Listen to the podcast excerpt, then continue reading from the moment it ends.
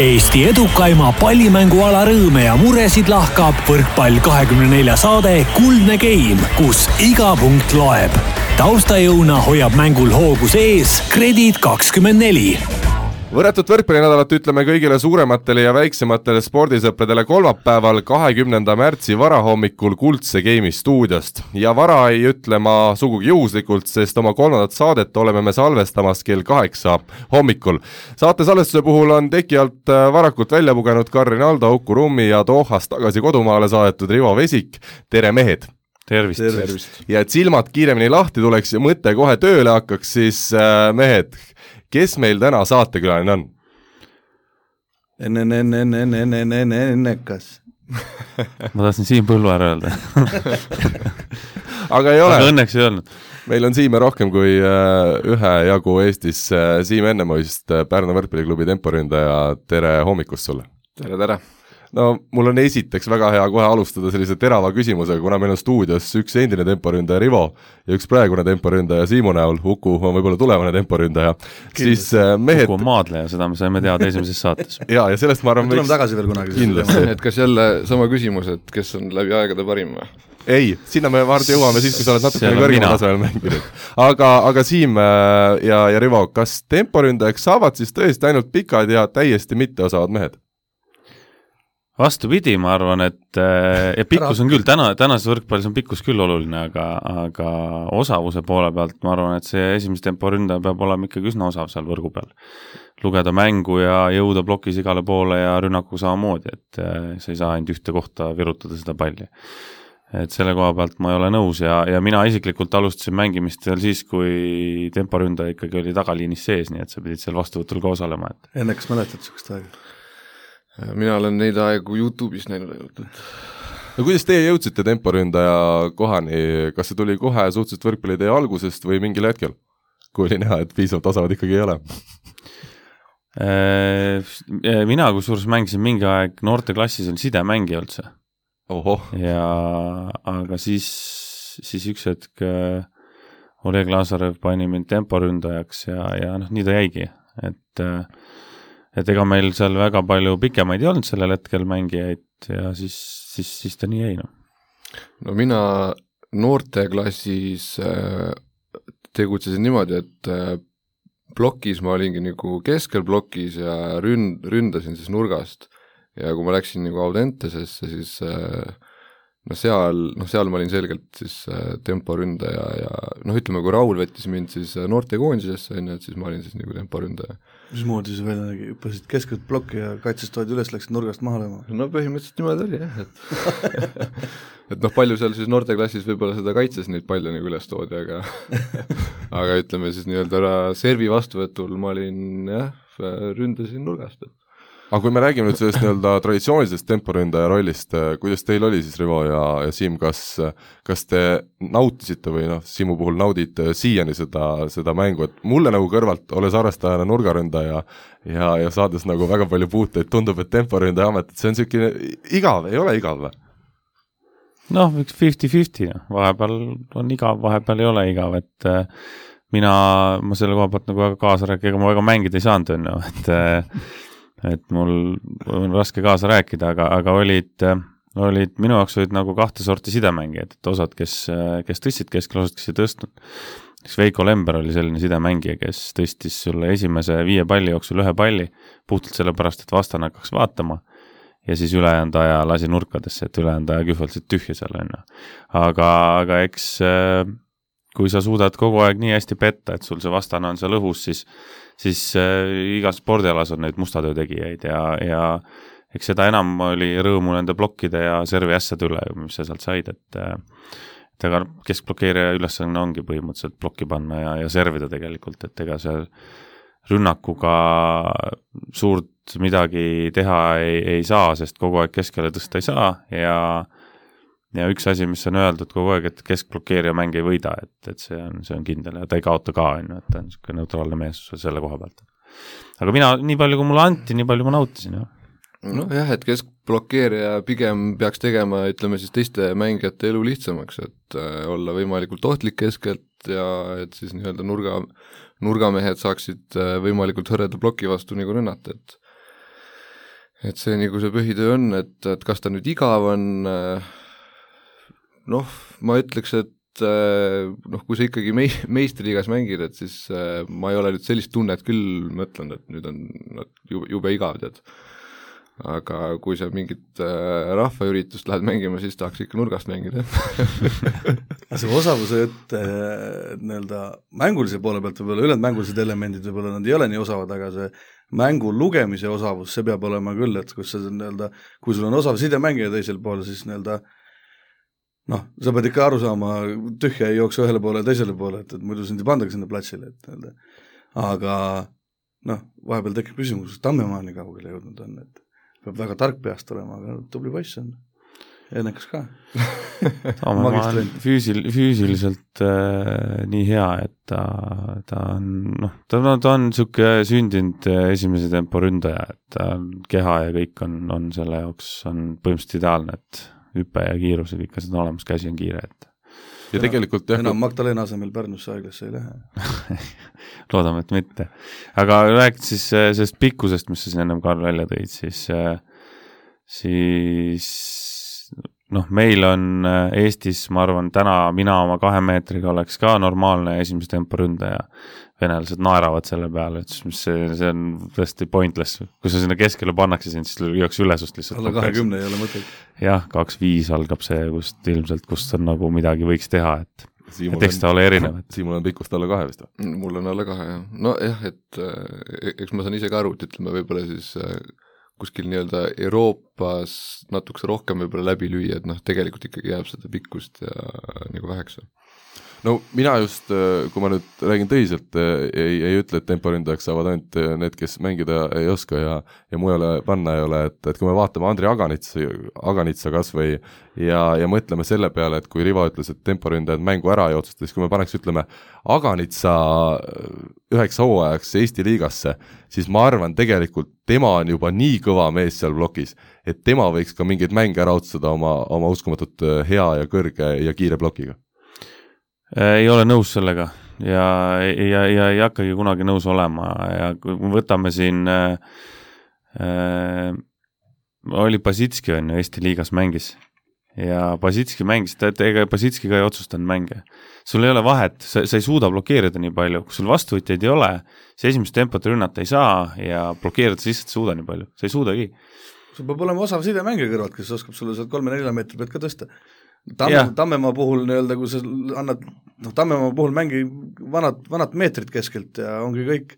jah, me võime rääkida sellest, et äh, ühe mängu, kaks mängu hooajal võibki võita või otsustada see esimese tempo ründaja, on ju.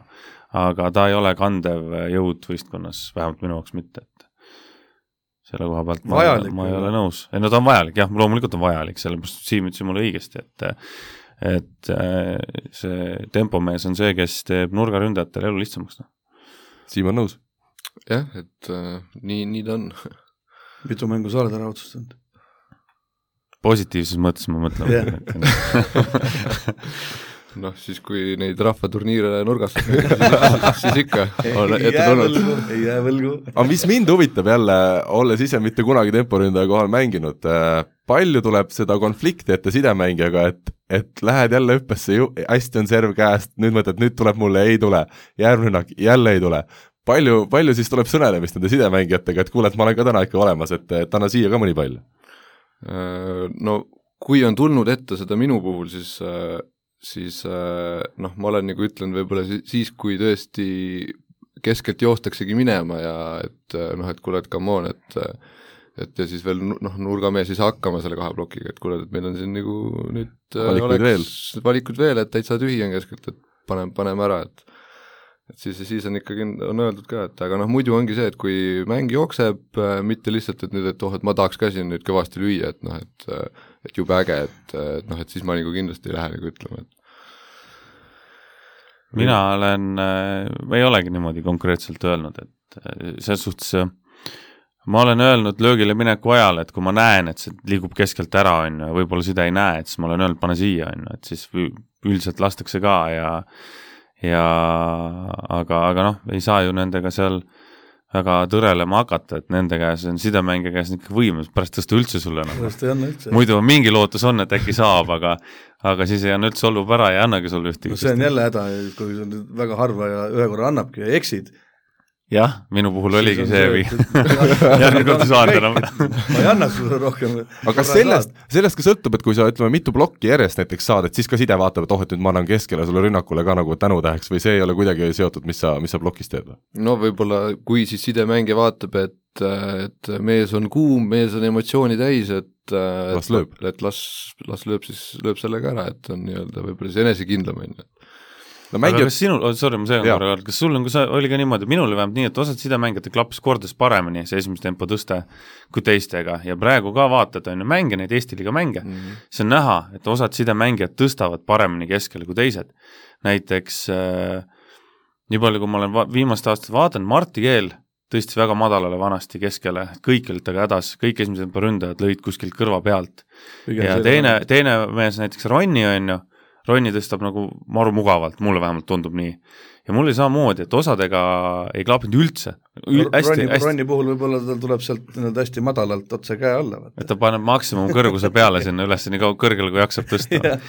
et äh, minu puhul oli nii, et mul osadega ei klappinud ja osadega klappis jube hästi, Gerdiga näiteks klappis nii, et noh, silmad kinni peale minna, ma teadsin, et ma saan selle palli ilusasti nagu ma aru saan, sa tahad Siimu käest küsida ma tahtsin Siimuks küsida, et kas tal on sama, et kas, kas on nii, et osadega lihtsalt klapib paremini ja teistega ei klapigi? või Ja- millise sidemängijaga sul kõige paremini klappinud on? jah, see on ka hea küsimus, jah. jaa, loomu-, loomulikult, et mõnega, mõnega klapib rohkem, mõnega vähem, kusjuures millegipärast minu puhul on olnud see, et kui on lühem sidemängija, siis äh, mul nagu ei ole nagu seda klappi võimalikult saavutada temaga nagu väga hästi, et äh, noh, okei okay,, Ronniga mul ei ole nagu au olnud koos mängida, et äh, noh, kõrvalt vaadates on jah, mulle tundunud, et, et äh, tema saavutab nagu väga head klappi temporündajatega noh, kuigi tema just on nagu lühem, et mis mul tavaliselt nagu lühematega nagu ei ole nagu õnnestunud head klappi saada.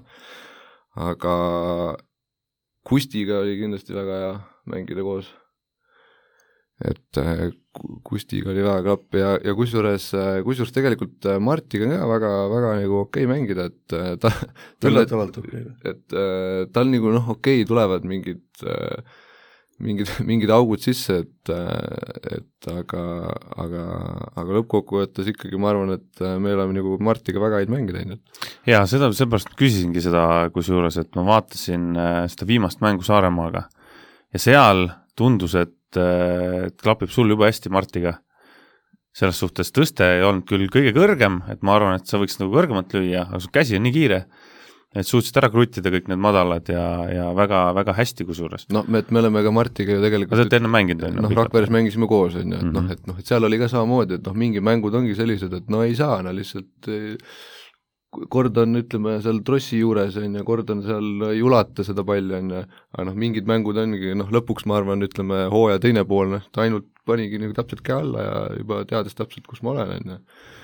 ja oli nagu väga tipp-topp, et äh, aga kusjuures äh, noh, et eelmine mäng meil nagu klappis, aga tegelikult trennid on näidanud seda, et äh, et me ikkagi oleme nüüd see terve see kuu aega ikka üksteist otsinud, et äh, meil nagu see nagu see teekond nagu lihtne pole olnud. õigel ajal leidsid. jops. kes on kõige parem sidemängija, kellega kõrval sina oled mänginud just selles, selles mõttes, et kellega sul on kõige mugavam olnud rünnata? mm,. tead, ma, tead mulle tuleb äh, praegu esimesena tuleb äh, Veiko Lember, kus äh, noh, no Vesa No- ütles, ta ei anna keskele. noh, võib-olla oli asi minus. no trennis sai, trennis sai proovida noh. ei no tegelikult, mis mul Veiko Lemberiga praegu meelde tuli, et oli niisugune üritus nagu Linnade karikas ja Veiko Lember pole ju tegelikult ma ei tea, mis ta siis seal pole mänginud aast- või paar aastat, kolm aastat ja tuli sinna mängima, pani ühe tõste, ahah, sa oled siin ja järgmised hakkasidki sinna tulema, noh. et äh, mis see oli nagu minu arust väga niisugune üllatav ja no Ütleme- robotil on hea mälu selles. ja ütleme, Veiko Lember on vist ka Eesti võrkpalli viimast äh, kümnendit või, või kahekümmet aastat silmas pidades üks selliseid, ma ei tea, kas kadunud talente või kuidas seda öelda, et ega tema, intelligentne. Seda ka, aga, aga tema selline tõeline potentsiaal vist jäigi realiseerimata, olete te nõus või? aga ma nii palju, kui ma Veiksist olin aru saanud, siis ta ei olegi tahtnud seda võrkpallis, et temal on, on teised asjad ja võrkpalli eh, talle meeldis mängida ja mängis nii kaua, kuni ta sai kõrgel tasemel mängida, et ega ta minu arust välislepingut ei olegi kunagi niimoodi taga ajanud, et eh, korra ta vist käis Iisraelis, ma mäletan, oli vist mingisugune selline seik tal et ta läks, et ta läks Iisraeli, aga seal vist see tase nagu teda ei rahuldanud ja tuli seal ei tehtud trenni, nagu ta ütles, et seal küll mehed olid spaas kogu aeg. väheseid Eesti nii-öelda tippe, kes, ma arvan, et ta ei kahetse Ei, ei, oma ei, otsuste ei, üle ei. absoluutselt. ta on, tal on omad asjad ja ta Jah. teeb teist, teist asja, et ja teeb karjääri mujal ja teeb ilmselt väga heas ülikoolis. väga kõrgel, jah. Aga Siim, kuna meil on saates äh, saarlane, siis peab küsima ikkagi ka Saaremaa võrkpalli kohta. ütle sina, oled sa suutnud välja mõelda, miks tuleb Saaremaalt nii palju häid võrkpallureid? ma olen teinud pika analüüsi, mõelnud, kaalutlenud, sellest midagi. arvutanud ja, ja mis mina leidsin, mis võib olla selle põhjuseks, kuna siin ei ole otsest vastust tulnud, et äh, saarlased on kõvad kalamehed ja neid kalavõrke on lihtsalt nii palju üle jäänud, neid vanu, et neid on tulnud kuidagi rakendada, siis on need pandud igale poole saare peale üles ja siis ongi hakanud nagu loomulikult üle, üle võrgu seda palli toksima, kas sina usud ka sellisesse teooriasse või, või sul on äh, midagi paremat välja pakkuda? see on väga huvitav teooria, kusjuures seda teooriat ma polegi kuulnud varem, aga no mina arvan, et äh, üks asi on kindlasti see, et tegelikult äh, äh, noh, minu meelest Saaremaal ju korvpall ei ole väga väga populaarne siis või kuhu nagu noored äh, mängima lähevad, et, et Nad hirmsalt proovivad ja punnitavad, aga jah, õnneks ei ole läinud. jah, et seal on nagu enamus noored lähevad võrkpalli mängima, on ju, et siis sul ongi seda, see valim on ju suurem, on ju, et et mille seast sul selliseid äh, teravamaid pliiatseid nagu võivad tulla. Et puhtalt see, et ütleme, võrkpallitrennis käivad rohkem, rohkemad lapsed kui, kui teiste alade treeningutel, Jah, võib no, siis see no, olla no mis kõige tähtsam, et ütleme siis äh, pikad lähevad kõik võrkpalli, on ju, et äh, et kui sealt pooled pikad läheksid korvpalli, et siis olekski juba seda valimit palju vähem, et et see on, see on kindlasti nagu üks point. Ja noh, ei saa ka nagu ära märkimata jätta, siis on äh, ka järelikult äh, head treenerid, kes on äh, noortega head tööd teinud ja ja nendest nagu mäh-, mängumehed kasvatanud. no Saaremaalt on ju tulnud tegelikult juba aegadest, aegadest tagasi vennad uljased ja noh, traditsioonid, no Veiks on, Veiko Lember ka Saaremaalt, Saaremaalt, et et noh. just rääkisime temast. et äh, ma olen aegadest tagasi, sellepärast et seal on olnud see algusest peale ja õnneks on jäänud ja, ja ongi need treenerid on ka väga head olnud ükshaaval seal. Mis nüüd edasi saab, ma ei tea, aga sama Pärnu, Pärnu efekt, noh, Pärnu samamoodi ju oma selle, siis kui oli see ESS-i võrkpalliklubi ja sama meie põlvkond, et ega, ega meil suurt valikut ei olnud seal, et oli mingisugusel tasemel korvpall, meistriliiga võistkonda ei olnud, mingil tasemel jalgpall, meistriliiga võistkonda ei olnud. no põhimõtteliselt sama praegu ju. noh, korvpall on ju, korvpall on korralik tegelikult Pärnus, aga, aga aga ega suurt valikut ei olnud ja võrkpallitreenerid tegid üsna sellist eh, kuidas öelda, aktiivset tööd ka, et käidi koolides palju ja kutsuti ja kui pikemad olid, siis kohe davai, et tule trenni ja tule proovima ja ja Saaremaal on Eks ta õnneks see, et, et ei ole ainult nagu Kuressaare ju. et seal on ju väiksed kohad ka, Leisi seal nii-öelda, Kris Karlis, Lepa isa mällab seal väikestega, teisedki Helkonna, et nii-öelda ei ole ainult Kuressaare, et, et see on ikkagi üle saare, üle saare peal laiali, et aga mulle see, Karl, sinu, sinu teooria meeldis ka väga, et mul on näha, et sa oled rasket tööd teinud. näed, olen jätsid võrkpalli sees jätsid unetuid öid, et- unetuid öid on seal on kindlasti ka koduõlu seotud kuidagi. aga Siim, sinu karjäär on olnud äh, Eesti mõistes väga huvitav, sinust sai siis tänavusel hooajal Pärnuga liitudes esimene Eesti võrkpallur, kes on siis mänginud kõigis täna meistriliigas mängivates klubides, olgu need klubid siis öeldud ka, Saaremaa, Tartu, Pärnu, Rakvere, Tallinna Selver ja TTÜ, uue nimega TalTech, et, et Uku ka saatest poole pealt välja jookseks. ütleme, mis see sinu jaoks kõige erilisem klubi on olnud, kas just seesama TTÜ, kuna sa oled seal kõige kauem olnud? Ole aus, ole aus. no pressure kus ülikoolis sa käid? noh jah, võib-olla siis tuleks seda tal-, TalTechi välja tuua küll, jah, Uku. aga, aga noh, seal said jah, kõige pikemad aastad veet-, veedetud, et äh, neli aastat järjest ja siis tegelikult ka enne Tartu aega sai üks aasta seal oldud, et siis viis aastat kokku. et seal sai ka siis äh, haridusteed äh, käia paralleelselt siis võrkpalliga, mis ma arvan, et siis on nii-öelda edaspidiseks eluks väga tähtis. ja et ja muidugi see seltskond seal koos oli väga-väga äge. et, et väga erilised mälestused, jah ja no sellepärast me sealt Tartust ära teemegi, me vaatasime, et nii-öelda ta läks Tartusse, Tartu tuli võitjaks, Schenkerliga võitjaks. siis me tagasi teel Tartust ükskord, siis mõtlesime, et davai, et kuule, tule järgmine aasta tagasi, et prooviks ka noh. vana tuli järgmine aasta tagasi ja Pärnus sai Selverit kolm-kaks poolfinaalis ja Pärnut kolm-kaks poolfinaalis võidet- või finaalis võidetud ja kusjuures vist oli jah, selline, selline nii, nii-öelda tagasi mõelda. nii-öelda juhus jah, et, et Tartuga tulime jah, siis liiga võitjaks, siis pärast tulime kohe vist esimene aasta siis Nii, siis järgmine aasta võitsime karikaga, noh, ja siis läksid vigaseks ja siis me enam ei võitki midagi. aga ma tahaks öelda selle peale, et see ülikoolide, ülikoolide sport on tegelikult ülitähtis selle koha pealt täpselt, mis Siim ütles, et et äh, iseenesest on ju mugav õppida ja, ja ja kuigi ta on raske, ta ei ole kerge, on ju, ma ei, ma ei ütle, et see on nüüd nii, et lähed ja siis on kõik tehtud, on ju. aga selle koha pealt on ülikooli sport ikka üli, ülitähtis, et äh, no see on Et tegelikult põhimõtteliselt sama nagu töö, töö kõrvalt käiksid, mängid võrkpalli, see Rakvere jutt, mis oli siin jaa, aasta tagasi, et nii-öelda mehed käivad tööl ja aga sa käid tööl, sa vahepeal saad jala sirgeks lükata. sessi periood, play-off'id, karika play-off'id, kevadel play-off'id, sul on sessi periood. Ja sul on, kõik, ongi kõik räägivad sessi perioodist, minu meelest sessi periood on kõige lebom periood, sellepärast et palun väga, Uku se-. sellepärast, et sa ei pea käima ülikoolis kohal, sa võtad oma materjali, sa õpid, millal tahad, kus tahad, no okei okay,, eks, ütleme siis nii-öelda, et eksamid on nii-öelda ja kes õpib, no mõnel ei ole nii lahtine pea kui sul. ei, võrkpalluritel on kõigil Ei, no- lahtine pea, Uku.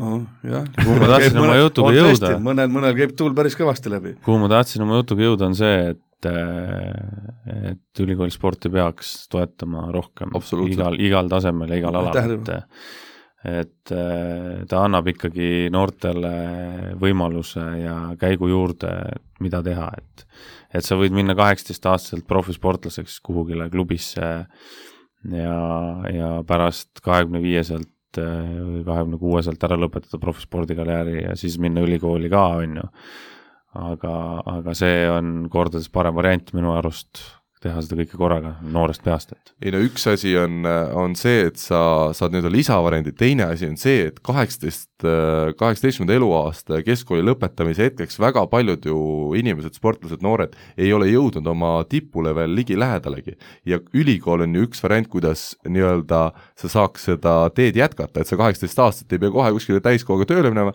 vaid sa õpid edasi, saad sealt mingid hüved ja tänu sellele sa jõuad siis võib-olla kahekümne ühe, kahekümne kahe, kahekümne kolme aastaselt äh, nii-öelda oma karjääri tipule, et, et see ülikool aitab sul jah, äh, seda are-, arenemisteed nagu jätkata ja pikendada.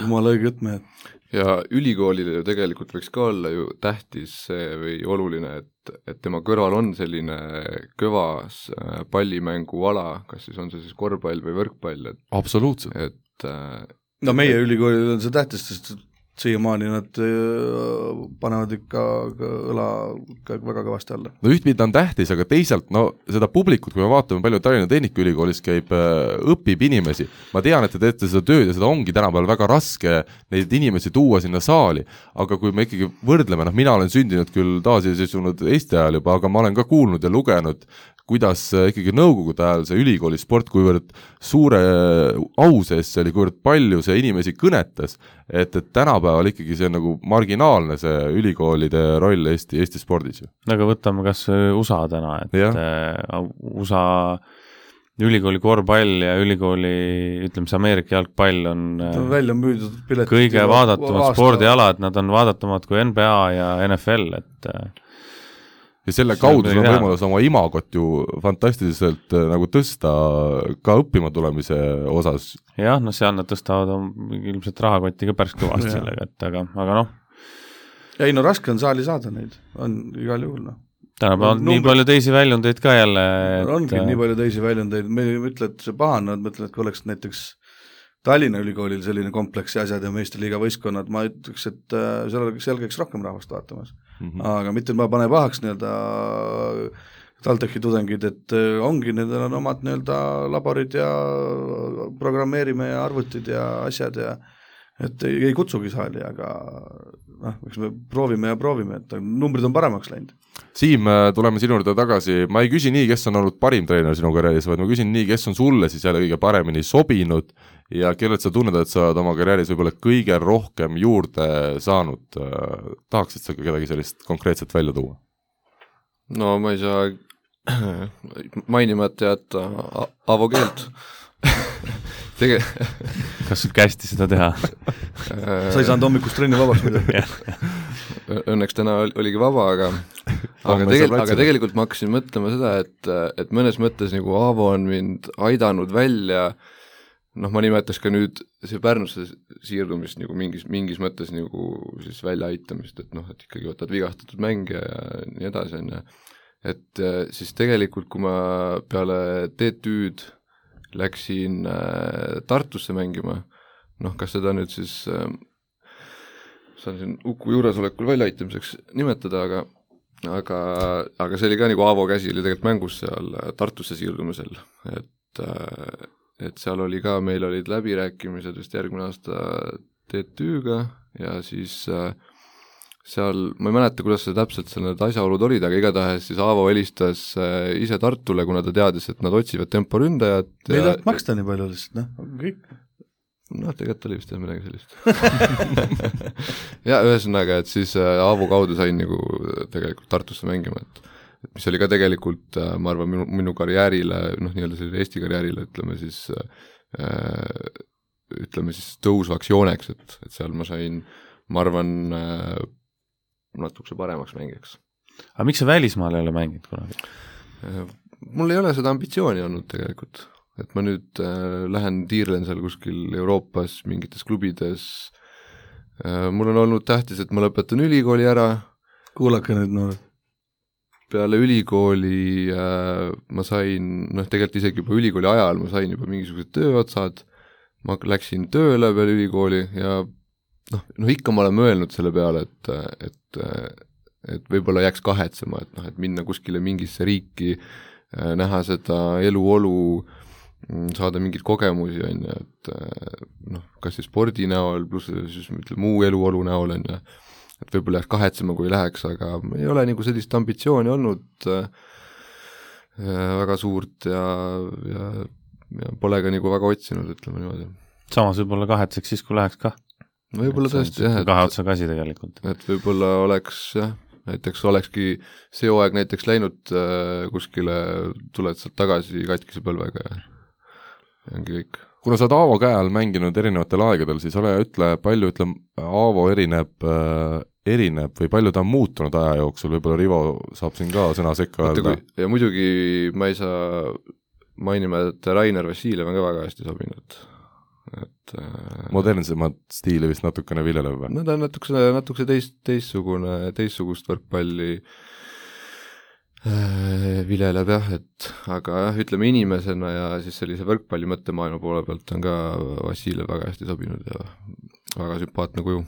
Aga Aavost jah, äh, tema, on ta treenerina muutunud aastate jooksul kõrvaltvaates mm,? Mida ma ise olen mõtelnud, et et, äh, et võib-olla kui trenne vaadata, siis mina mäletan võib-olla sellise trenni ülesehituse poole pealt on ta võib-olla mingeid asju on muutnud, aga samas on, äh, on ta ka mingid põhimõtted on nagu täpselt samad, mis on nagu ütleme siis ka minu mõttemaailmale nagu sarnased, et kuidas nagu võiks nagu asju teha. Kuidas, äh, Rivo, sinu mõttemaailmaga on ma ei mäleta enam väga hästi seda, kas praegu ei mäleta isegi, kas Aavo on treener olnud üldse või? on, vist on ikka ühe aasta, jah. Mänetser oli kindlasti kaasmängija Mänetser oli kindlasti aga... jah, kaasmängija oli ka äh... aga sa mingi aasta tegid veel kaasa, ma mäletan, jah, nii-öelda sa vist olid siis juba kas rannast ära tulnud ja siis sa läksid Selverisse uuesti mängima nii-öelda. see oli hästi lühike periood vist või? Ei, ma ei läinud mängima kuhugi, siis nad kutsusid mind mingiks ajaks no, mingiks appi, seal vigastusi nii palju vist, ma ei mäleta, mis seal viga oli. no see oli Balti liiga Final Four Balti liiga Final Four ja kogu moos, jah. TTÜ spordijoones. jah, tulid servima, rahvas oli pöördus. jaa, muidugi, siiamaani oleks, ma arvan. ei olnud Afka jah, kes oli, ma ei mäleta. ma ei mäleta. Rainer oli, aa Rainer jah, Vass oli jah, Vass ja Raul äh,. aga Avoga vastastikune austus on olnud eluaeg, et äh, me oleme rannas võidelnud omavahel ja, ja siis tema mänedžeri pingi peal ja mina mängija pingi peal ja ja Aavo Meil on- ütles, jah. et, et kui äh, tema kuulis, et sina hakkad rannavõrkpalli mängima, siis ta oli küll suhteliselt skeptiline, et, et sealt võiks midagi head tulla. Kui mina nägin, et Aavo mängib rannavõrkpalli, ma olin ka väga skeptiline ja mul oli õigus kah, et ega sealt midagi väga ei tulnud. aga nali naljaks tegelikult Afgan on, on üks, üks selles suhtes Eestis eeskujusid rannavõrkpallis, et kes näitas, et ikkagi see olümpiaunistus on võimalik ja, ja aga noh, meil on olnud omad, omad head ja omad vead ja omad arusaamad ja mittearusaamad, et äh, siiamaani saame hästi läbi ja ei, ei ole nagu hullu midagi, see väike rivaliteet on ainult hea on, aga meie lõpetame oma tänase saate esimese osa ja läheme järgmise juurde. võrkpall kahekümne nelja küsimusmängu toetab Sportland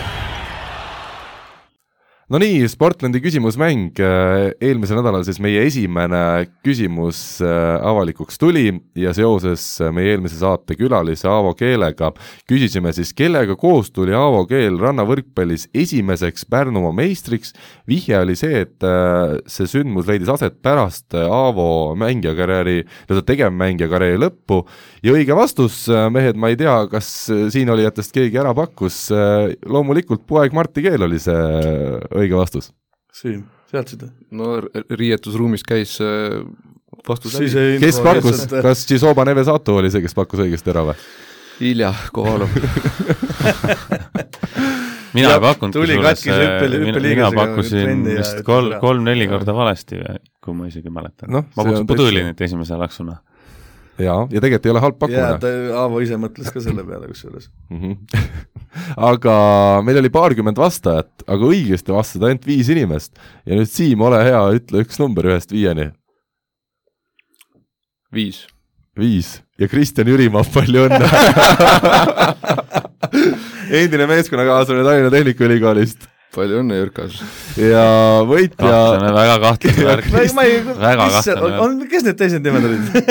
võin kõik ette lugeda, Helerin Kaasik, Ülle Johanson, Tiina Veider ja Tori Teinaste olid meie teised kandidaadid, aga Siim on loomulikult juhuslikult valinud oma endise hea meeskonnakaaslase ja vist ka sõbra, aga ütleme ausalt, ei ole mingit kokkumängu siin.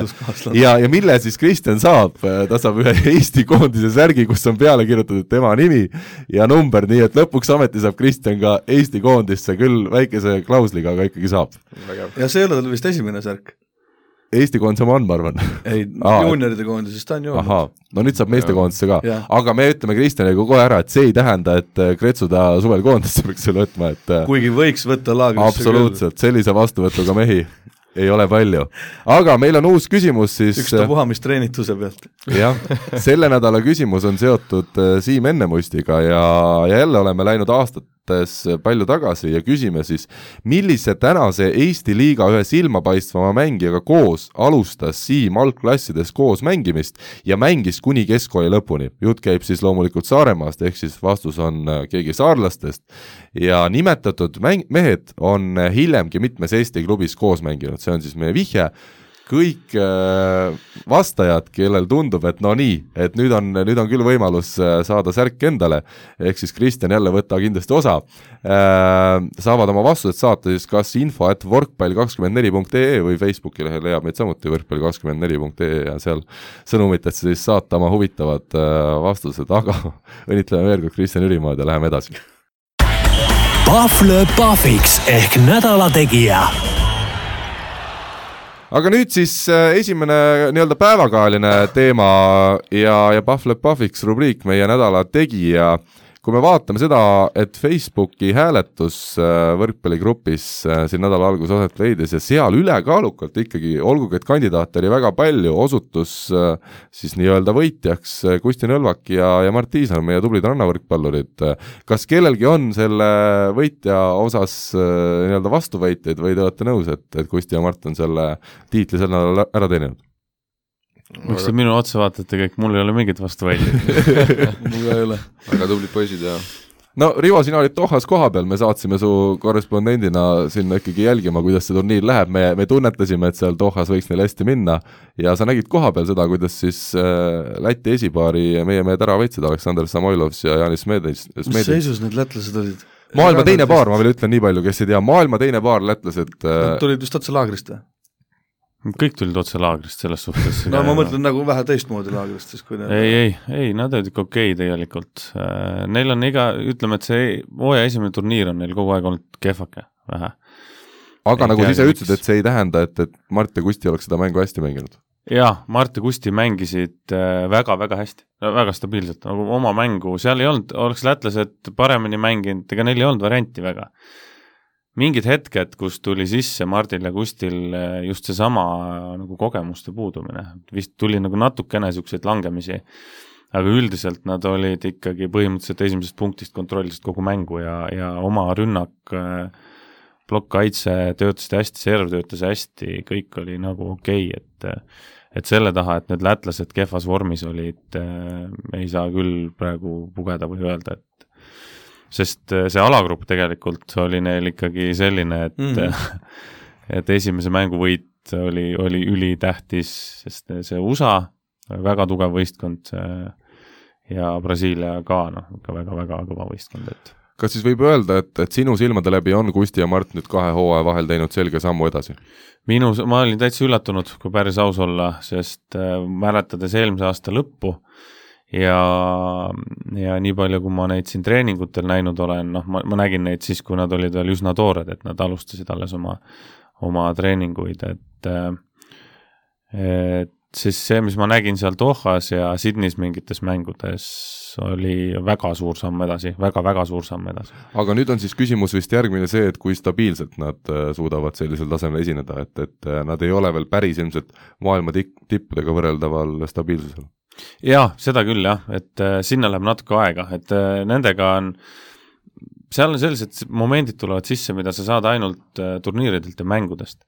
sama veerandfinaal äh, Grimald Grimaldi vastu, kes siis on kaks turniiri nüüd järjest võitnud, on ju, kus Mart ja Kustil oli äkki kolm matšpalli ja nad põhimõtteliselt ise eksisid need matšpallid, kõik kolm. Et see on puhtalt see koht, kus hakkavad närvid mängima ja kus sul on vaja see läbi elada lihtsalt. Osad saavad selle kiiremini hakkama, osadel läheb rohkem aega, et aga, aga jah, stabiilsus, eks näeb nüüd järgmised turniirid, kuidas, kuidas läheb, et eh, esimene kvalifikatsioonimäng Dohas oli üsna üle kivide ja kändude, teine oli väga kindel, jälle see, mis ma nägin, oli nagu väga okei okay., lätlaste vastu oli väga hea, prasside vastu, noh, nad läksid natukene, oleks võinud vähe infot küsida enne mängu, et seal Nende, nad on hea võistkond, aga nende vastu on ka üsna lihtne mängida, selles suhtes, kui sa õigesti mängid. Ja, ja venelaste vastu siis äh, sinu enda hoolealused? minu enda hoolealused jah, et ähm, poiss pandi rongi peale äh,? natuke Martti Kust serv jäi nõrgaks. Nad ei suutnud seda teha serviga, mida peaks tegema nende Igor ja, ja siis Nikita vastu, et et selle pealt ja vastupidi, Igor Nikita servisid väga hästi, suuruselt Mardi Kusti võrgust eemal, nad ei saanud mängida oma rünnakut päris korralikult välja. Ja sealt nagu see vahe tuligi ja tulebki, et äh, väga super hooaja algus ikka. jaa, ei väga hea, väga hea, nad said oma need äh, punktid kätte, mis neil vaja oli ja nüüd on rahulikum edasi mängida, et loodame kuigi see EM, MM-ile saamise süsteem on nii idiootseks tehtud jälle. Sudoku. et, äh, et sinna on väga raske neil peale saada, et nad peavad Hiinas väga hea tulemuse tegema, et saada MM-ile peale. aga noh, võimalused on olemas, noh, suhtes MM-i süsteem on nüüd selline, et, et peale saab kas äkki kakskümmend neli esimest maailma reitingu tabeli võistkonda või kuusteist, ma ei mäletagi täpselt peast ja siis äh, kaheksa Euroopa meistrivõistluste võistkonda või kuus Euroopa, eelmise aasta Euroopa meistrivõistluste võistkonda saavad otse MM-ile ja kui need on juba seal kahekümne nelja hulgas, siis hakatakse nagu järjest edasi võtma. Ja kuna Mart Kusti eelmine aasta EM-ile ei pääsenud, siis ilmselt saavad sealt veel peale mingid mehed kuskilt, mingid tagumise otsa mehed, et, et see on nii ja noh, miks ei võiks teha nii, et nelikümmend kaheksa maailma parimat ja kogu moos, noh ülilihtne, siis oleks Mart ja Kusti kindlalt sees ja, ja noh, aga sinna tulevad juurde Aafrika võistkonnad, Lõuna-Ameerika mingi süsteem Aasia, ta on, see on jah, keeruline. sellised, sealt tuleb selliseid mänge kakskümmend üks, neli ja kakskümmend kolm. muutub nagu natukene naljakaks see kuigi nad tahavad teha väga atrak- atraktiivseks ja mänguliseks seda, kogu seda rannavõrkpalli. ja, ja, ja, ja ma saan aru sellest populariseerimise värgist ka, aga aga mida seal populariseeritud, meie näiteks jäime välja viimaselt EM-ilt äh, äh, Kristo Kolloga tänu sellele, et peale sai äkki neli Aafrika võistkonda noh, see esimene Aafrika võistkond kaotas kakskümmend üks, kolm ja kakskümmend üks, kaks oma esimese mängu, on ju. teised said vist, äkki said kümme punkti täis. see on ka nagu pointless, et kui meil on MM, siis võiks olla nagu maailma tugevamad võistkonnad koos. okei okay, ja lõpetuseks selle teema lõpetuseks ma arvan, hea küsida, et äh, sa siin esimeses saates äh, väitsid, et võib-olla Kristjan Kaisiga pool aastat trenni tehes võiks Kustil ja Mardil veel vastu saada, kas nüüd äh, viimane nädal pani su äh, nii-öelda arvamust muutma? Pani küll jah, ma ütlesin Mar, Mardile, Mardile ütlesin ka seda, et eh, kui ma veel kaks nädalat tagasi olin üsna kindel, et me saaksime teile vastu, siis täna ma eh, ütlen kohe ära, et ma ei hakka isegi proovima, et, et sellise mänguga, mis nad seal näitasid, meil ei ole ilmselt väga varianti, et sellega on hea lõpetada see saate osa ja minna järgmise juurde.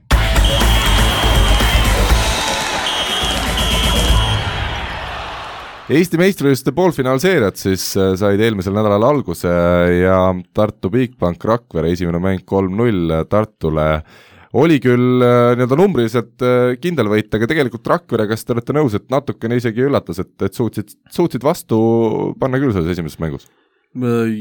selles suhtes ma arvan, et Ei. Tartu, Tartu mängis täpselt nii palju, kui vaja mängida oli. seda ka võib-olla, jah. ma olen täitsa nõus sinuga, Uku, jah, et palju ma vaatasin seda mängu, siis siis mitte ega, midagi Rakvere poiste vastu, aga ega tegelikult Rakverel seal võimalust võita ei olnud, et eh, noh, üks hetk pandi teine käik sisse ja õigele mehele tõsta täpselt, ja Tartu vahetas käiku siis, kui tema tahtis, mitte siis, kui Rakvere sundis neid seda tegema, et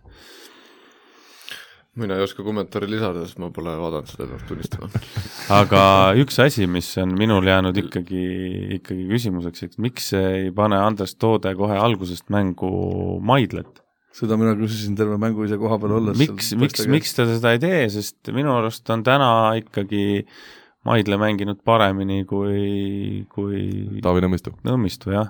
kui ei võib... saa hakkama, paned Nõmmistu sisse ja sul on jälle uuesti võimalus ta tagasi panna või, võib-olla no. isegi Nõmmistu on vist äkki nurgaründaja ka kunagi olnud, et eh, kuna neil see nurgaründaja koht on, võib-olla võiks seda vangerdust proovida, et selles suhtes ei ole ju, Andres Toodal ei ole täna Kaotada ei ole suurt midagi. midagi kaotada, on ju, et pigem on Nõmmistu vist temporündaja olnud hoopis, noh, ma mäletan Tartu aegadel, kui mina Tartus mängisin, kui ta noorena tuli, siis seal prooviti teda temporündaja koha peal üldse vist. kas ta kunagi ei ole mänginud kuskil koondises nurgaründajat, mul ku- kuidagi Selverist on nagu silme ees, et ta on, te olite koos, on ju, seal noortevõistkondades ka, ei olnud või? ei ole, ta on ti-, tiba vist äh, no, noorem. ta on natuke noorem, on ju, jah. kui kuskilt mul on jäänud nagu ette, et ta on olnud, aga ühesõnaga lihtsalt minu niisugune mõte nagu on, et miks mitte alustada jah. aga teine asi on äh, see, et Rakvere võrkpalliklubi jätkamine, no see on iga kevadine küsimus, kas jätkatakse või mitte, võrkpalli kahekümne neljast saab siis ka lugeda esmaspäevast äh, lugu, kus seda natukene uurisime ja Raigo Pärs, klubi president, ütles, et, et ega täpselt samasugune olukord, fifty-fifty, vaadatakse hooaja lõpus äh, tagasi möödunule ja sellele, millised on tuleviku väljavaated ja meeskond ikkagi tahaks jätkata nii, et kui jätkata, siis, siis ikkagi konkurentsivõimelisena, kuivõrd oluline Rakvere meeskonna ütleme, olemasolu Eesti võrkpallile on teie hinnangul? kadu oleks kindlasti suur. juba see, et mis aegadest alates on olnud, vahet ei ole, mis seisus nad on olnud, ma ei tea, kas nüüd see lause, mis äh, Martti Juhkami kommentaar oli kuskil, et eks ei ole hullu küll, Merirand võtab oma noored ja tuleb nendega, no, isegi kui läheb asi sinnamaale, loodame, et siis Merirand võtab need noored ja tuleb nendega, et peast võistkond ära ei kao, et et mismoodi nad seal mängivad, et kõigil on raskeid aegu olnud ja eks tuleb ka, aga aga kadu oleks väga kõva. ja ilmselt tasemel ei oleks ka kedagi praegu tulemas, et pigem, pigem seda raha jääb ikkagi vähemaks, ütlevad kõik klubijuhid tegelikult. Jah, lihtne konkreetne vastus, jah. Siim, kuidas oli eelmine aasta Rakveres mängida? Äh, no Rakvere on küll äh, subjektiivne mõiste, et te treenisite ikkagi igapäevaselt Tallinnas, aga, aga mängisite Rakveres? ei, mul ei ole nagu Rakvere kohta ming-, midagi nagu nii-öelda negatiivset et, et klubi oli täitsa nagu korralik ja ja, ja, ja et muidugi oleks väga kahju, kui Rakvere nüüd peaks oma pillid nagu kotti panema, et et mängijaid tegelikult nüüd ole-, oleks küll siin Eestis tiirlemas, kes nagu, kes nagu klubi nagu nii-öelda siis vajaks seda, et, et kui Rakvere ära kaoks, oleks kindlasti mõned paljusid mängijaid üle. siis ei peaks nii palju välismaalasi tooma võib-olla? no aga ega see välismaalaste toomine ka nüüd nii halb ei ole, et tegelikult see ei ole, ei ole, rikastab seda Eesti võrkpalli, et et et noh, et selle Rakvere, nagu ma aru saan, siis äh, Rakvere juhid seda nii-öelda oma tööde ja tegemiste kõrvalt niimoodi teevad, et, et, et võib-olla siis näeks seda, et et tuleks mõt-, võtta keegi, kes äh, püsikohaga, püsikohaga nii-öelda tegeleks ja ajaks neid asju, et noh, et no see on jälle lisakulu noh, see on lisakulu, noh muidugi ongi, noh kõige tähtsam ongi see, et ütleme, raha leida, on ju, et noh, et kõik ütlevad, et raha ei leia kuskilt, see on nagu, see on nagu selge, et äh, kuigi neid võrkpalliaktiviste seal Rakveres on ju väga palju, vennad Pomerantsidki tagasi kolinud sinna. jah, võikski, minu mõte oli ka see, et siis võikski nagu minna selle peale, et äkki leida mingi mängija, kes teeb, mängib ja, ja ajab samas nagu klubi asju ka, Mm. et noh, nagu Tauno Lipp oli ju, et jah, et siis, siis ta nagu katab mõlemat osa natuke Mhm. ära, et sa ei pea võtma endale uut töötajat, kus on äh, palgad ja maksud ja sada miljonit asja veel, on ju.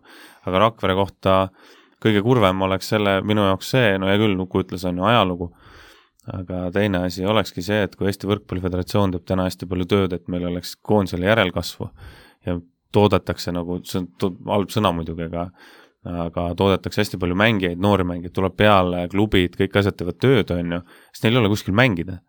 mis see väljund on siis, kui Rakvere ka ära kaob, on ju, siis meil jääb, palju meil jääb siis neli klubi? viis. viis. ja, ja need lihtsalt, kes tahab mängida kõrgema otsa, nad võtavad niikuinii välismängijad endale, sest nendest noortest ei tule nii palju häid ja seda taset ei ole nii palju, on ju, noortel.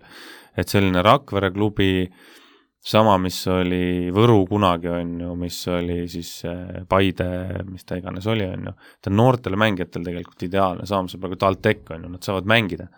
Nad saavadki mängida, mis on põhiline, et eh, minna sinna jälle mu enda kogemus, et minna sinna suurde tugevasse klubisse, istuda pingi peal ja saada omal kuradi kolm kulda kaela. sest no ütleme ausalt, nad tulevad kaheksateistaastaselt oma noorteklassist välja, nad ei ole valmis mängima. ei, nad ei olegi valmis, väga valmis vähesed, kes on valmis mängima, on ju, Ja mõni ainult- seal ainult- tuleb, on ju, ainult Teppan ja andekamad- Tähesugune, on ju. ainult andekamad on need, kes nii-öelda trenniga lähevad vähe paremaks, aga platsi peal sa pead olema ikkagi see, kust sa kogemust saad. no sealt sa saad ikka teistsuguseid kogemusi, jah, kui sa trennist ütleme hangid, on ju. jah, ja, ja see, vot minu jaoks on see nagu suur kaotus, et, et ei ole, ei oleks ei sellel Uuskaril see mängida, on ju, ei oleks äh, Popmanil, kes on tegelikult teinud ka väga hea hooaja, on ju. et ne-, neil lihtsalt meestel ei oleks, ei oleks kuskil täna mängida või nad istuksid pingi peal. jah, aga meie istume pingi peal edasi ja arutame teist poolfinaali, Pärnu ja Saaremaa, see põnevam poolfinaal. no esmalt eh, olgu siis nii palju kuulajatele öeldud, et me täna ei hakka pikalt ja laialt lahkama Siim Ennemuisti personaalküsimust, miks ta Saaremaalt ära tuli ja miks ta Pärnusse läks, sellepärast et seal on eh, klubi teinud, klubid teinud öö, omavahelise kokkuleppe, et avalikult nendel teemadel ei räägita ilmselgelt on tegu natukene keerulisema teemaga ja, ja seetõttu ma arvan, on ka väga mõistlik, et meie siin ühe osapoole osavõtul ei hakka, ei hakka seda teemat nii-öelda lahkama, et, et jätame need asjad sinnapaika, aga räägime sellest äh, poolfinaalist endast, esimene mäng Pärnule, kolm-üks. mul on Siimule kaks küsimust. jaa, küsi. esimene küsimus on selline, kui palju infot sa andsid, siseinfot oled andnud Saaremaa kohta Pärnu võrkpalliklubile? kõik, mis võimalik loomulikult jah, et et kuidas mina näen, kuidas peaks nende vastu mängima, et, et seda ma nagu enda teada ei hoidnud, et et miks ma peaksin.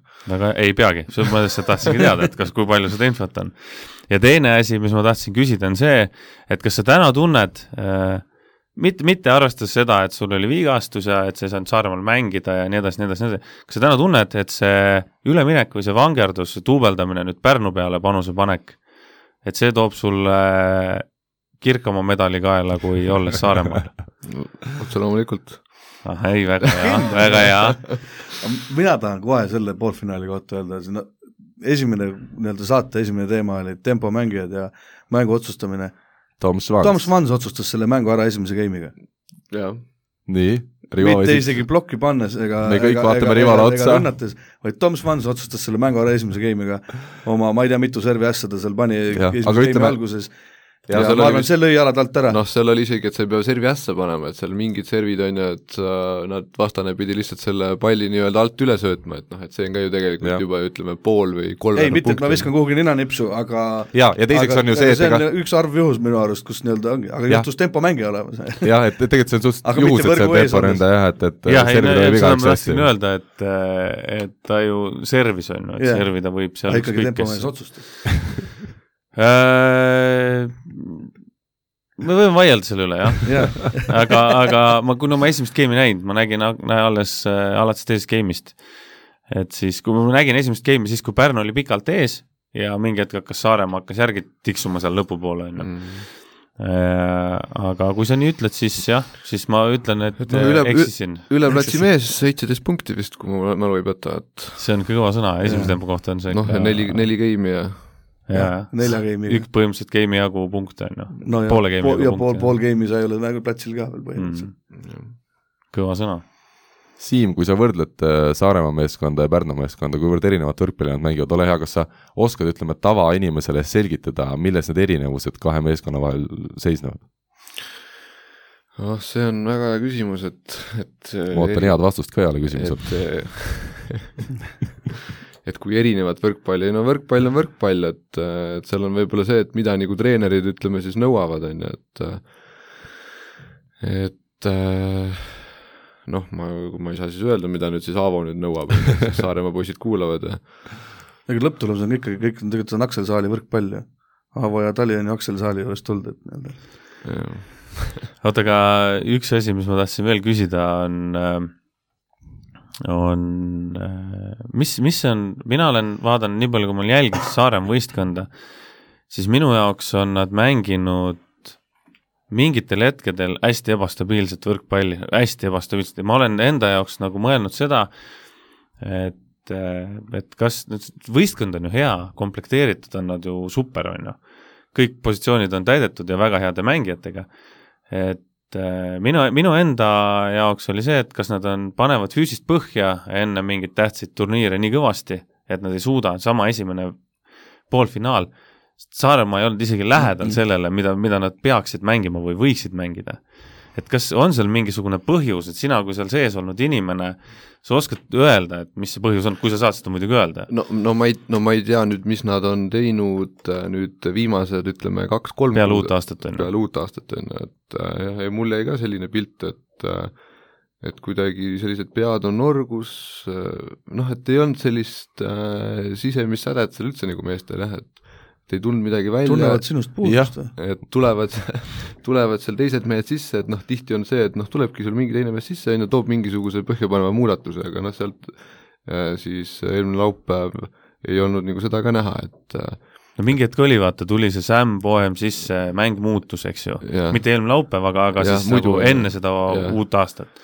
mingid nagu muutused tulid, aga ei, ka Schenkeri liiga seal Final Fouris on kakskümmend neli, ütleb Toomas Vara, parand-, Toomas Vara küsib parandada kohe., Kredit kakskümmend neli, mul on nii vana kooli mees, et mul on lihtsalt teised mälestused, minu jaoks on Tartu Rock, on siiamaani Tartu Rock. et, et, et siis tuli, aga täna nagu ei ole, et peale seda uut aastat ei olegi, et mingisugused asjad ja mina panen selle, sellele, et kas nad tõesti teevad nagu füüsist laovad nii pikalt enne, no aga noh, ütleme, aga samas see oli üks mäng, noh, peale uut aastat, ütleme peale seda siis äh, Credit Final Fouri, see on praegu on esimene mäng neil. et noh, et tegelikult me ei tea, et Ei teagi. et me ei saa põhjapanevaid järeldusi ka seepärast ma küsingi sinu käest, äkki sina tead midagi, mis seal sees oli et noh, ma ei ole jah mis sa tahad öelda, sa ei suhtle nende meestega seal või? ja mis seal enne sees oli, no sealt võib algus saada juba kuskilt päris algusest. ei no mis sa salata, trenni tehti seal ütleme kõvasti ja Talile meeldis trenni teha väga palju, et kas sinu jaoks isegi liiga kõvasti või? sinu põlve arvestades või? Äh, no põlved ütlevad seda ise. selge, saime vastuse. aga nii, et Pärnu võidab seire kindlalt, on meie järeldus, ei ole, tegelikult vist siin alles läheb põnevaks. veel vist noh, ma arvan, ta hakkab, Saaremaa hakkab vastu ei kindlasti, kindlasti. ja ma arvan, see ei lõpe kolm-nulliga. mina ka ei usu, et, et nad ütleme kodus nüüd samasugust mängu näitavad. Et seal nad, nad kindlasti panevad äh, ei no põnevam poolfinaal on ta kindlasti, kui on Mm, jah., kui on see esimene. hästi Uku. jaa, nii et, nii et Siim äh, ütleb, et, et Saaremaa läheb ilmselt edasi, et kodus nad mängivad paremini ja, ja võtavad võidud ära ja ei, seda ma ei ole väitnud. Siim just ennem väitis, et äh, tema saab parema, kirkamad medalid kui see oli kaval, see on kaval lüke ka selles suhtes, et nii-öelda Siimul ju on äh, ka Saaremaal tuttavaid, et nii-öelda see sinisärk on nüüd vähemaks jäänud ju, jah, kes seal tribüüni peal on. aga, aga olgu, meie võtame siin järgmise teema ja järgmine teema on meil naiste Balti liiga finaalturniir. Ja ütleme nii, et et äh, jaa, et kui üldse saab olla põnev üks finaalturniir, siis see naiste Balti liiga finaalturniir see aasta oli Tartus. võitis siis Leedu esiklubi Alitus, võitis Tartut finaalis kolm-kaks, seejuures Tartu oli otsustavas viiendas game'i sees kaheksa-kaks ja pronksimängus, tervitused Ukule siit üle laua, TalTech kaotas siis kaks-kolm sisuliselt täpselt samasuguse hullumeelse stsenaariumi äh, toel Riia võrkpallikoolile ja pange nüüd tähele, Riia võrkpallikool koosneb viieteist kuni seitsmeteist aastastest neiudest, neil on üks mängija, kes on täis ikka jõudnud kaheksateistaastane libero, aga muidu siis kõik on äh, alaealised äh, neiud ja ütleme, Riia võrkpallikool ju lõpetas oma esimese hooaja Balti liigas põhiturniiril teisena, kaotades Tartule vaid ühe punktiga, et et see juba minu jaoks ütleb ära selle liiga taseme, kahjuks et see põnevus on küll seal sees, aga tegelikult äh, kogu see Eesti ja, ja Balti liiga tase, see on ikka sada kümme protsenti amatöörtase, me peame seda täna tunnistama. pronksmedalistid on ainukene profinaiskond, kes seal Jah, on tegelikult. Et äh, noh, meie noortekoondis on kus kohal. Mm -hmm. ja, ja tegelikult ütles ka Ingrid ja on Kiis, täpselt, on täpselt sama vanad, kui on need Riia omad. Nad teevad täpselt sama palju trenni ja ilmselt teevad ka täpselt sama palju trenni. Audenteses. aga mis siis vahe on, kust see vahe tuleb? treener või? olümpiavõitja, Pavel Selivanovs. kes meil treener on seal? olümpiavõitja ei ole. ja väga hea vastus, aitäh. ei, selle, ma ei tea, mismoodi need teevad need Riia omad trenni, aga, aga tuleb välja, et nad teevad väga hästi trenni ja tüdrukud on väga sihvakad ja sportlased, sport, sportlikud näevad välja. ja on, löökides on jõudu ja on targad ja, ja ja niisugust, isegi kui on punktidega taga, nad ei vaju ära näost ja niisugust, no ilusat võrkpalli selles suhtes, okei okay,, nendel on, nendel on üks haamer seal, kes sai seal üle kuuekümne tõsta ja nendest üle kolmekümne maha lõi aga ainult tema pealt ei tulnud, terve, terve naiskond mängis väga hästi. ja tegelikult Ingrid Kiis, mis ma tahtsin öelda siin intervjuus ka hiljem ütles, et et kui me võrdleme koondist just selle Balti liigaga näiteks, et et siis kaitsemäng, sellised julgestud elementaarsed võrkpalli osad, mis tegelikult nagu naiste võrkpallis ju ka Eesti koondise tasemel on täitsa olemas, et et sealt kõik hakkab juba pihta, et, et kogu see mäng on selline juhuslikum palju,, palju-palju ebastabiilsem ja noh, nagu needsamad medalimängud näitasid, et, et tõesti see ebastabiilsus on, on meeletu naistel. aga no samas äh, proovime siis kiita ka, ega Tartu naiskonna mängu tegid siis just needsamad kahekümne ühe aastane Ingrid Kiisk, kaheksateistaastane Ade Šadeiko, et, et noori mängijaid samas nagu peale tuleb, nüüd ongi jälle seesama küsimus, millest me tänases saates oleme juba rääkinud. kuidas nüüd teha nii, et, et oota nüüd, meil, meil Jaa. on Marcella Raud, meil on Maria Säästle, nad on kõik täpselt samad. jaa, absoluutselt, kõik on toredad tüdrukud, aga, aga meie kaotus teete oli, meie kaotus oli teete valus, aga neljandaks? okei, Tartul oli veel valusam. Teete neljandaks, teid võitsid lapsed. jaa, Vesa, aitäh, kuuled, vesi tuleb ülevalt praegu kaela.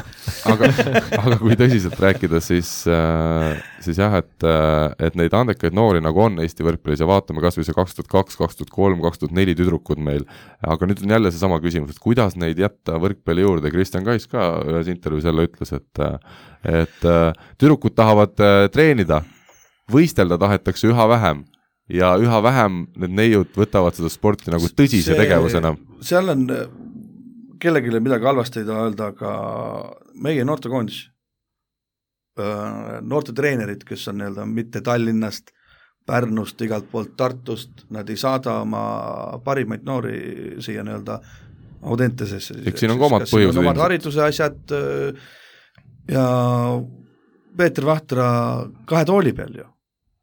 Et ei ole, me ei keskendu ainult no, nii-öelda tüdrukutele, kes on noortekoondise juures. Mm -hmm. aga kas see, need on treeneris kinni, et kas ei ole see, mida, mida, mida, mida mängija, mida mängija tahab, et ma nüüd tahan minna või ma tahan jääda näiteks ütleme siis oma kodu, koduklubi juurde, no eks see on treener ka kindlasti ilmselt, kes nii-öelda suunab ja kes saab nagu mõjutada aga Mõjutab, kui, kui me tahame ühte suurt pilti saada, ajada, siis äh, no seesama Riia võrkpallikool näitab ju sest sedasama Riia, jah. Minu jaoks on naljaks, on kogu aeg on naljaks olnud see, et et, et üks treener on kahe meistriliiga võistkonna treener nagu mm, -hmm. et see on, see on ju, mitte kuskil mujal ei saa seda olla, pole, ma pole kunagi kuulnud, et see nii oleks, et peaaegu oleks see aasta asi muutunud, aga ma ei tea, miks ei muutunud et see, see on nagu natuke naljakas, et kus, kus sa siis need mängijad või keda sa siis nüüd lõpuks treenid, on ju, et kui nad omavahel mängivad, mis siis saab, on ju.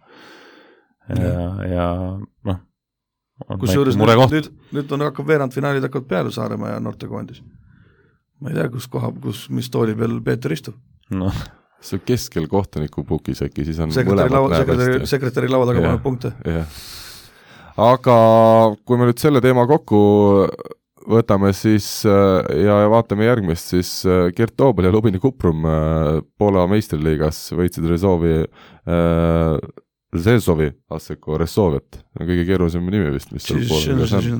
ja, ja võitsid kolm-null ja arvestades seda, et Lubin on seal üks tagumise poole klubid ja Resovia näol on ikkagi tegu siin ma ei tea, nelja-viie aasta taguse meistrite liiga finalistiga ja, ja pealegi siis Georgi Kretsu ja Alar Rikberg juhendavad seda meeskonda, siis kas Gert Toob oli uskumatult hea mäng, neli plokipunkti, head tõsted ja mängu parimaks valimine näitab, et ikkagi koondise suvi on ukse ees või?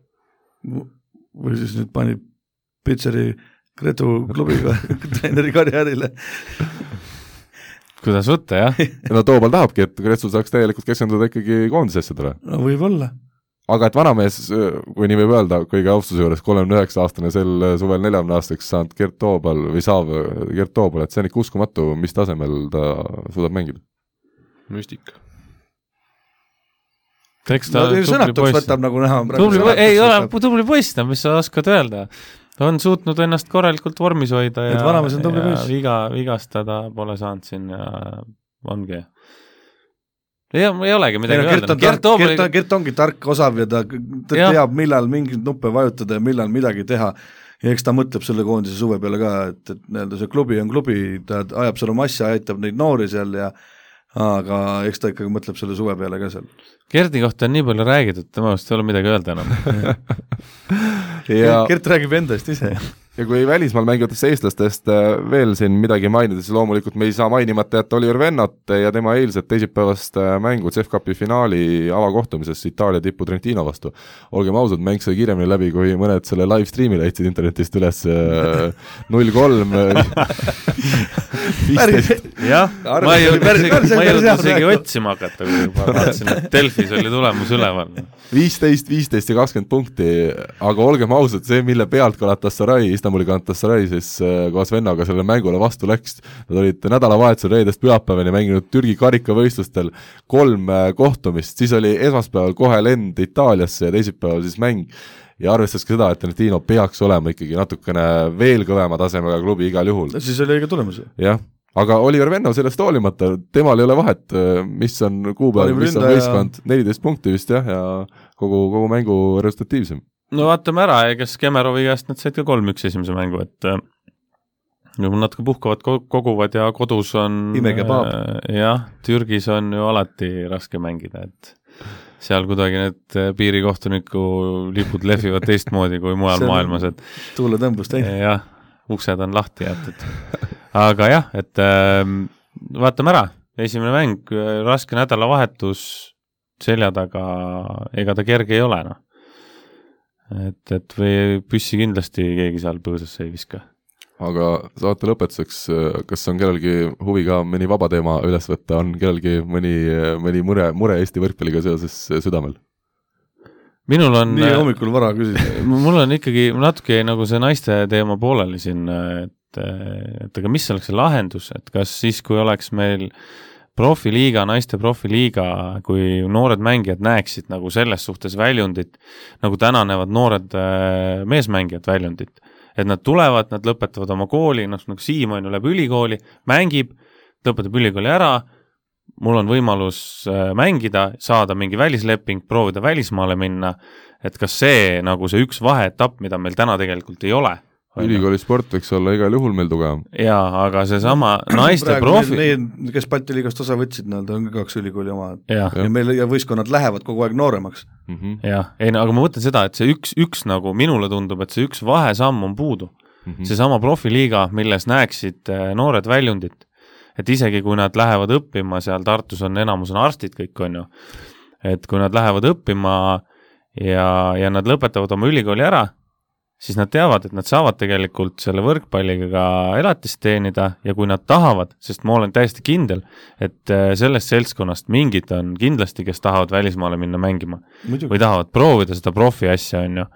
Nad tahavad, siis neil on see võimalus olemas. no aga naistel on ju veel hullem see just see probleem, et mitte küsimus ei ole, kas nad pärast ülikooli tahavad jätkata, vaid küsimus on, kuidas nad pärast üldse keskkooli lõpunigi mängiksid. ei no häda on veel selles, et äh, mitte ei istu ainult nii-öelda äh, treener kahe tooli peal, vaid on ka äh, nii-öelda noortekoondise mängijad, kes peaks nii-öelda, kui nüüd läheb, Eesti koondis läheb välja, see noortekoondis läheb välja. Ma ütlen selle nime ka ära, me räägime siis- Peeter Vahtrast, võib-olla jälle meil on siin ka neid kuulajaid, kes Ja, äh, võttis kõiki kõiki treenereid nii ei tea. et äh, kui läheb nii-öelda juunioride või noortekoondis läheb Eestit esindama, vabandust, siis äh, seal on nii-öelda noorte äh, see Selveri nii-öelda kasvandikud, asjad, et aga kui nüüd mängitakse seda Eesti meistrivõistlusi, siis äh, Tallinna Ülikooli all äh, on- on need noored Selveri kasvandikud, siis nad mängivad Selveri eest, siis mingi hetk nad mängivad noortekoondise eest, siis on Saaremaal on üks paar tüdrukut, kes on, mängivad Saaremaal, siis nad mingi hetk mängivad äh, noortekoondise all, et noh, kus me siis, pange siis kokku, pange siis kokku see noortekoondise punt ja kas ta mängib ühe võistkonna all, ükskõik kus, kas Saaremaal või Selveris või, või Jah, kus nad mängivad? seda küll, aga kui me tahame nagu, et seesama punt nagu, nagu Riia teeb, siis noh, pange kokku, tulge Balti liigat mängima, saategi tappa, mis teha on? Midagi teha ei ole. jah, alguses äh, ilmselt saavad kõik tappa, on ju. no seda ongi, kardavad, et äkki nad ei taha tulla enam, on ju see, et, et äh, kuidas mentaalselt, et sa kogu aeg saadki tappa ja noh, me saime, kogu aeg oleme tappa saanud siin praegu, mehed. on ka no. noored ja mingi hetk hakkab see, lööb selle kaane pealt ära. kas siis äh, ma natuke, ma, ma ei lugenud seda Kristjani intervjuud, ma nägin seda pealkirja, ei ole jõudnud lugeda, aga et kas siis on nagu tõesti, teema ongi nagu see, et et need noored tütarlapsed on psühholoogiliselt nii nõrgad, et nad ei suuda jah, kaota, või nad ei suuda nagu seda vastu võtta, kui nad kaotavad mingeid mängu, mänge, et Jah, tundub- minule tundub- ära lõpetada, et ma ei viitsi, ma ei oska. tundubki, et noh, jälle see, me jõuame siin väga nagu laia teema juurde, et inimesed või noored tänapäeval ei ole valmis nii-öelda kannatama elus, kõik peab tulema Mm, kohe välja. sest nutitelefonis olles nagu noh, kui vaadata, mida psühholoogidki räägivad, sa saad seal oma mõnu kogu, kogu aeg hommikust õhtuni kätte. Sealt leiad, mis sa tahad ja see on viie minuti peal olemas. sa pead spordis tegema viis või kümme aastat enne tööd, kui sul hakkavad üldse esimesed äh, sellised mõnu pakkuvad siis tulemused tulema, et seda aega ei olda valmis nii-öelda läbi elama, seda rasket aega. Ega sellest väga seda distsipliini ka ei ole. aga Candy Crushis ei saa ka ju kohe esimesest levelist läbi, et sa pead ikka mitu korda nihverdama neid seal nuppe seal ja edasi-tagasi. kui ikka elu, mingit kannatust on ei tarvis no aga kui saavad elud otsa, siis sa pead kannatama, kui tulevad elusid juurde. oot-, ootama seal tunni aga mehed, meil on oma tund juba ammu läbi. mul on hea meel, et täna meil oli stuudiokülaline üks tegevmängija, Siim Ennemuist, aitäh sulle saatesse tulemast, aitäh Uku ja, ja Rivo, et ka tulite jälle kaasa ja, ja tuletame siis meelde, et võrkpall kakskümmend neli punkt ee-s saab jätkuvalt Eesti võrkpalli võlude ja valudega end igapäevaselt kursis hoida. meie kohtume kõigi kuulajatega ka juba uuesti nädala pärast, seniks nägudeni. head aega, kui kellelgi on küsimusi, kirjutage Privasse. nägemist. Kuulmiseni. Eesti kõige põnevamad podcastid on Delfis, kuula tasku.delfi.ee